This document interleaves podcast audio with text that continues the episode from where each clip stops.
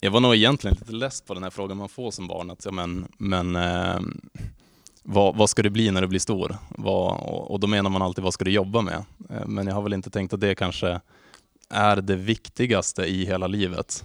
Vad jobbar du med? Utan vad, vad, vad vill jag med mitt liv? Ja, jag vill må bra, jag vill vara glad.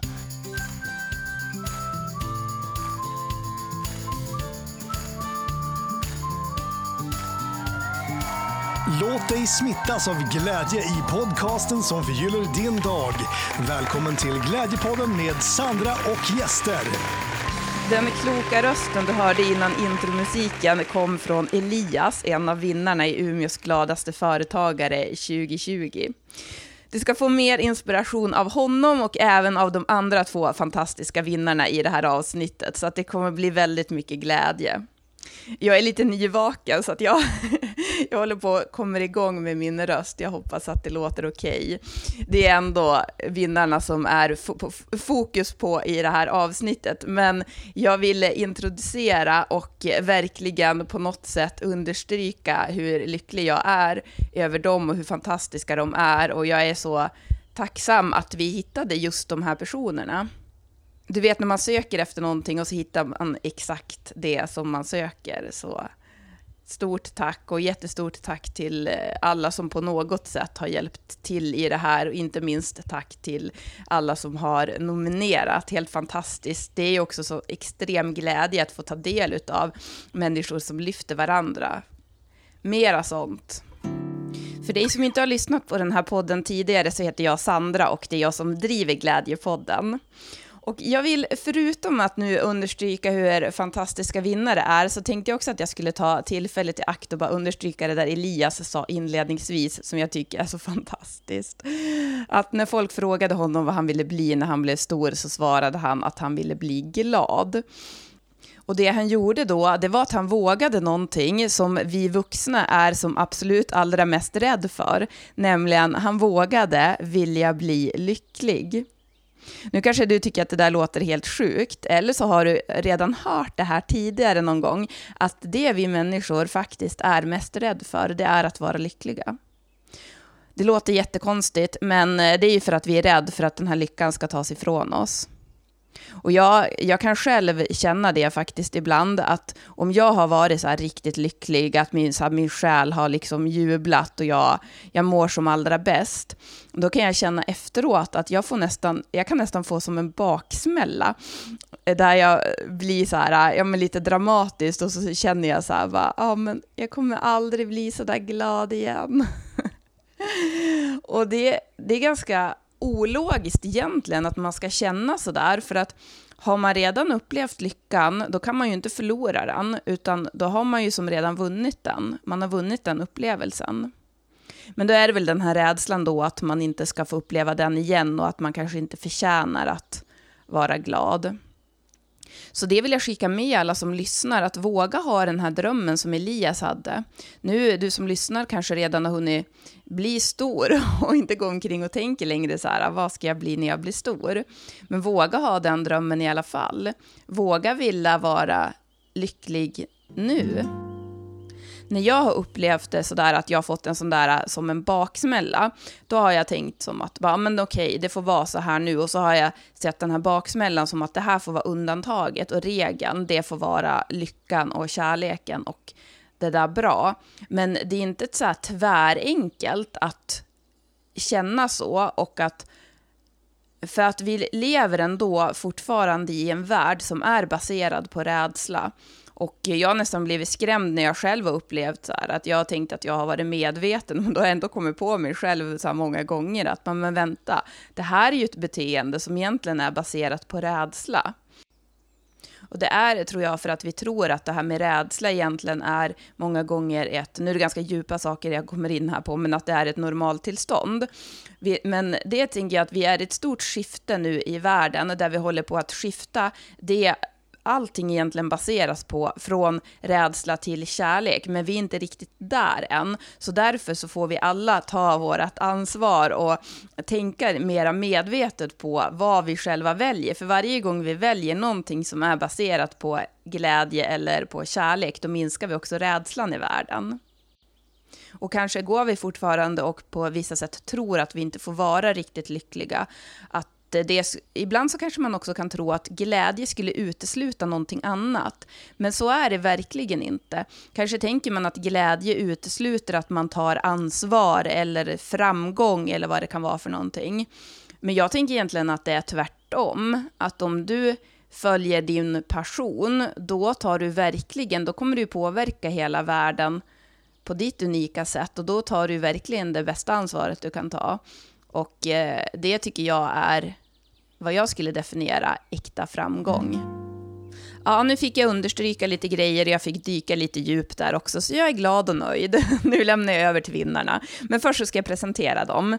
Vi har årets gladaste chef, Linda Hörnsten, enhetschef på familjebehandlingen i Umeå. Årets räddare i nöden, Peter Eklund från Ekonomi Nord.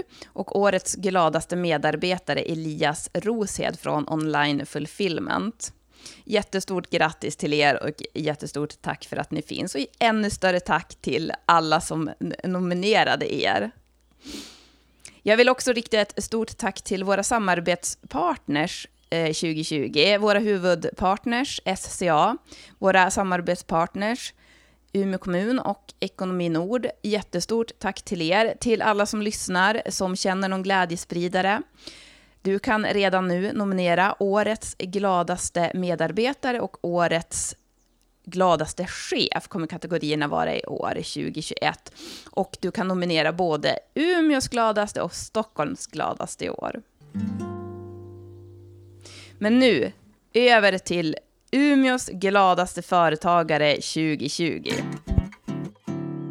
Då har jag Linda Hörnsten här som har blivit utsedd till årets gladaste chef precis. Jättestort grattis Linda och jag skulle gärna vilja höra lite mer kring dina tankar just det här med att ha välmående medarbetare.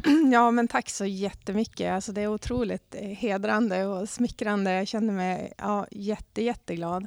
Eh, nej, men alltså för mig så, så handlar det ju om, eh, som jag har sagt flera gånger förut, att, att eh, jag har, alltså mina medarbetare det är det viktigaste alltså som, som jag har och det, det är de som behöver eh, verkligen på något sätt ha förutsättningar att kunna göra ett gott arbete.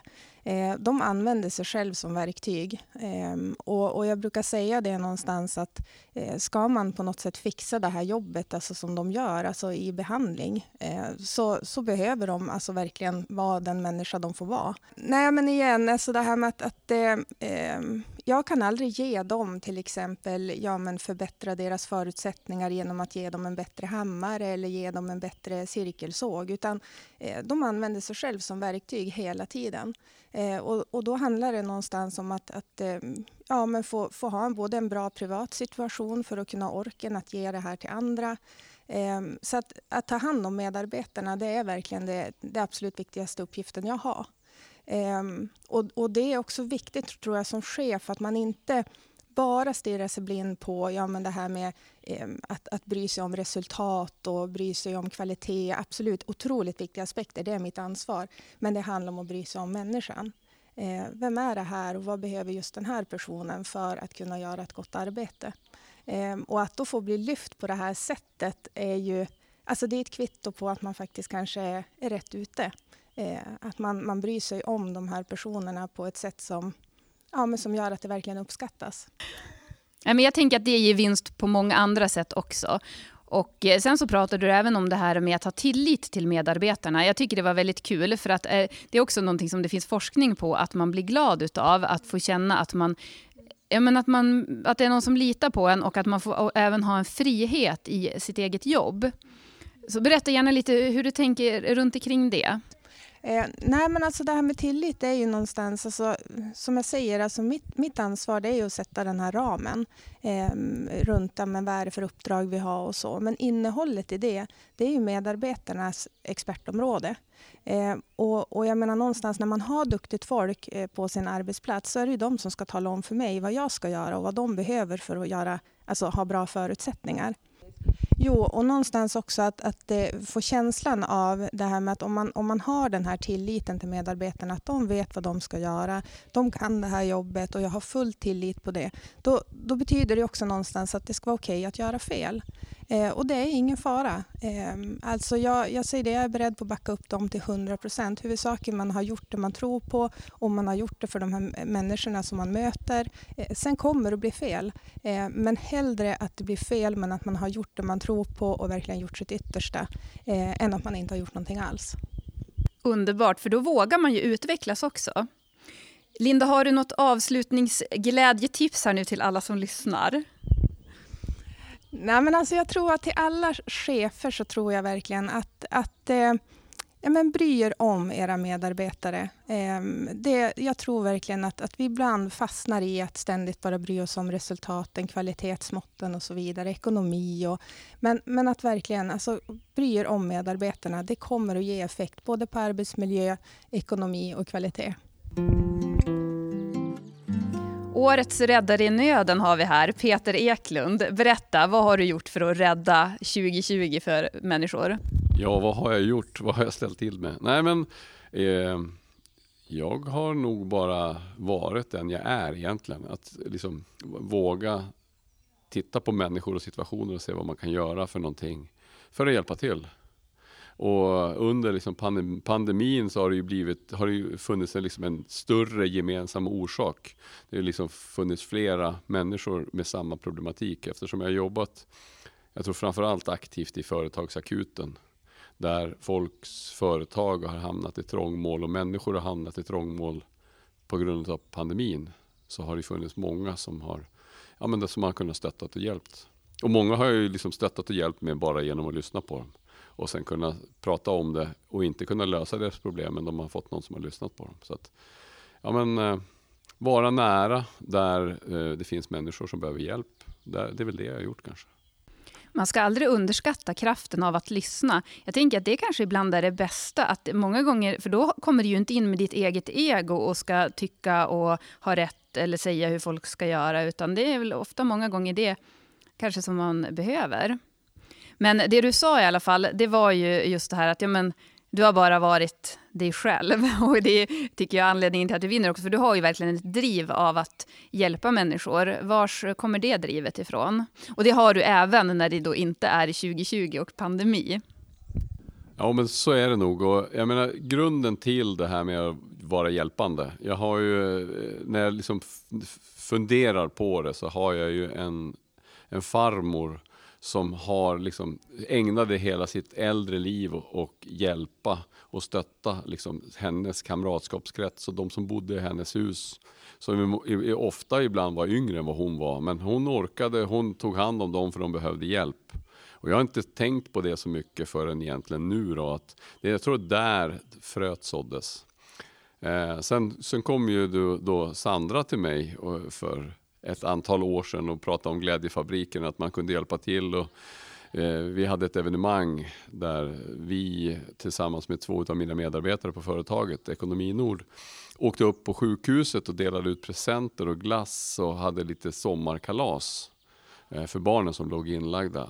Och då, då helt plötsligt så insåg jag så att det finns ju så mycket man kan göra Eh, som, som, som, som, skapar glädje hos andra. Och så vet jag hur euforisk och glad jag blev inbord, inombords själv. Så att eh, jag tror att man liksom kanske inte inser hur, egentligen, hur enkelt och med, med enkla medel man kan göra väldigt mycket. Så att eh, jag har fått väldigt mycket hjälp. Jag har fått fröet sått av min farmor och sen har ju du Sandra verkligen sett till att det har börjat blomma ut. Så att det är jag som ska tacka dig. Ja, jag vet inte. Vi, vi, vi riktar tacket mot din, farmor. Vad heter hon? Ja, hon hette Astrid. Hon är avliden sedan många år tillbaka, men eh, hennes minne är eh, i mitt hjärta. Men du Peter, har du något generellt glädjetips, du som sprider så mycket glädje? Alltså, jag, na, har jag det? Ja, det är väl egentligen se möjligheterna istället för problemen. Alltså, försök åka helikoptern rakt upp och titta på dig själv och, och liksom så ser man oftast det, det som är bra bättre från lite grann från ovan än när man står i sig själv och tittar på sina oknutna skor. Då ser man bara problemen. Utan man måste våga, alltså ta, inte ta sig själv på så mycket allvar utan se sig själv på distans lite grann.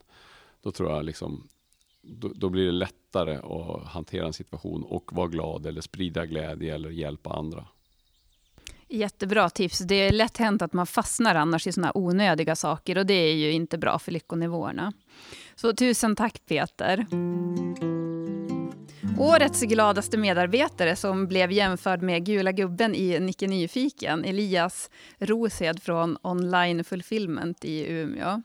Gula gubben i Nicke Nyfiken, det var för att du, du stressar inte. Berätta. Eh, nej, precis. Som jag sa, jag har inte, inte läst eller sett Nicke Nyfiken, men just beskrivningen stressar inte, den, eh, den stämmer nog rätt väl. Jag försöker att, och för det mesta hålla mig lugn och, och ta, ta saker med ro. Har du något tips på hur man inte stressar? Oj, gud, spontant försöka sätta saker i ett, ett, större perspektiv kanske. Ganska ofta så upplever jag att man, man kan gå runt och stressa upp sig, även jag, över små saker. Eh, alltså ta bara hemma typ ett diskberg som, som växer sig större i diskhon eller, eller tvätten som, som man inser att man borde ha gjort. Eh, men eh, men försöka att eh, tänka också att jaha, vad, vad gör det om jag, inte, om jag inte har gjort det fram tills nu? Och även kanske tänka på, på vad det är som faktiskt gnager i skallen på en. Alltså ibland är det så att man faktiskt går och stressar upp sig över saker som man egentligen inte vet vad det är också. Eh, så ibland kanske man kan försöka sitta och fundera på vad, vad det är jag faktiskt går runt och funderar på och tänka, försöka tänka också vad kan jag göra någonting åt och vad kan jag inte göra någonting åt? Och göra något åt det man kan. Helt rätt, man kan inte göra någonting åt allting. Men du berättade också att när du var ung, jag tycker det är kul, det är ju 24 eller hur? Mm. Ja. Men när du var yngre då, får man väl ändå säga, så tänkte du att när du blev stor så ville du bli glad. Berätta, hur blir man glad? Eh, ja, visst, visste jag svaret på det så, så lovar jag att jag hade svarat direkt. Men eh, eh, alltså, själva anledningen till att jag sa att jag ville bli, bli glad var nog att jag jag var nog egentligen lite less på den här frågan man får som barn. Att, ja, men men eh, vad, vad, ska du bli när du blir stor? Vad, och, då menar man alltid, vad ska du jobba med? Eh, men jag har väl inte tänkt att det kanske är det viktigaste i hela livet. Vad jobbar du med? Utan vad, vad, vad vill jag med mitt liv? Ja, jag vill må bra, jag vill vara glad. Sen hur man blir det? Ja, alltså i grunden kanske att vara glad är väl en, en inställning till till saker som livet för med sig och en, en, eh, ett förhållningssätt snarare än Alltså jag tror inte det har så mycket att göra med vad man är med om eh, och vad, vad som händer i livet, utan kanske snarare hur man väljer att se på det. Så att inställningen skulle jag säga kanske är det viktigaste. Alltså jag orkar inte, jag bryter ihop här nu för att det här är så bra. Ja, men alltså, du har ju helt rätt. Just den där, jag minns ju det när jag var liten, den här eh, brutala stressen över vad ska du bli när du blir stor. Och så kommer du och säger det som är det viktigaste med livet och det är ändå välmående. Kanske inte att man går omkring och skrattar hela tiden, för så är ju inte livet. Men som du säger, att man ändå har en inställning som, det, det handlar inte om vad man är med om. Nej, men det här är ju så fantastiskt bra. Jag känner bara återigen vilken otroligt eh, värdig vinnare du är. Men jag tänkte kolla med dig om du har någon glädjeutmaning. I Glädjepodden så kör vi alltid en glädjeutmaning varje vecka som man får köra under en veckas tid. Och du har nu äran att få ge en glädjeutmaning till eh, till mig och till dig och till de som lyssnar som vi ska köra under en veckas tid.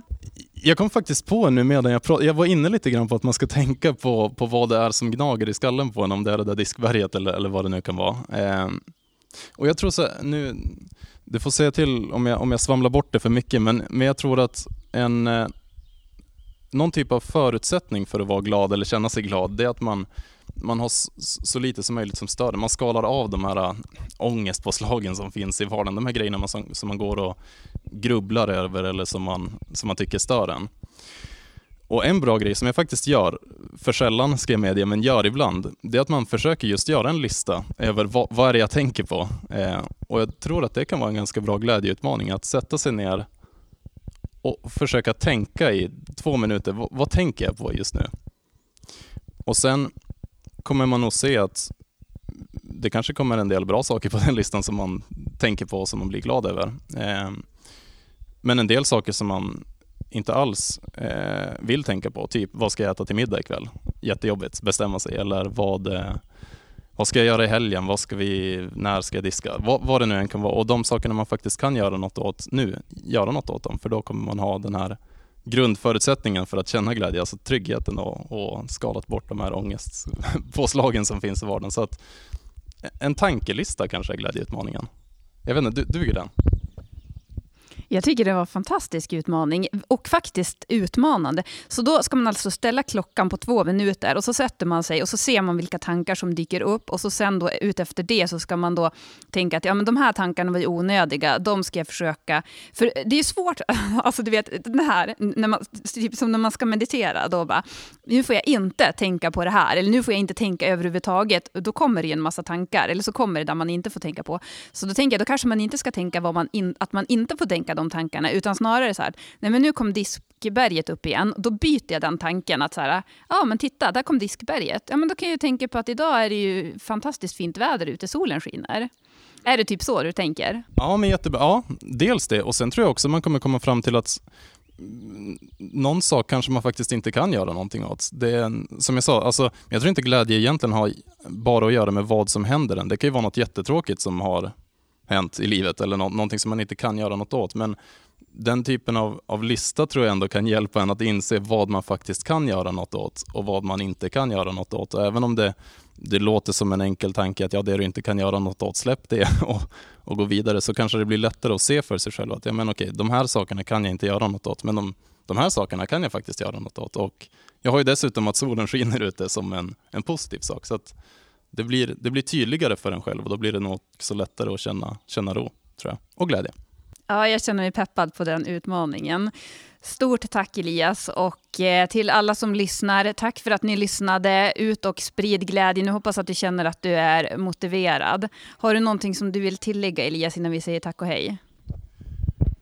Eh, ja men en sak egentligen, tack till dig också Sandra för det här initiativet. Det var, det var väldigt kul eh, och det har varit spännande och roligt att, att vara med så, så tack till dig också. Tack Elias. Nu kom jag på en sak som jag glömde säga under presentationen. Vi hade en, eh, ja, men, eh, en liveinspelning av det här evenemanget. Vi kan länka det i poddbeskrivningen också om du som lyssnar vill se på det.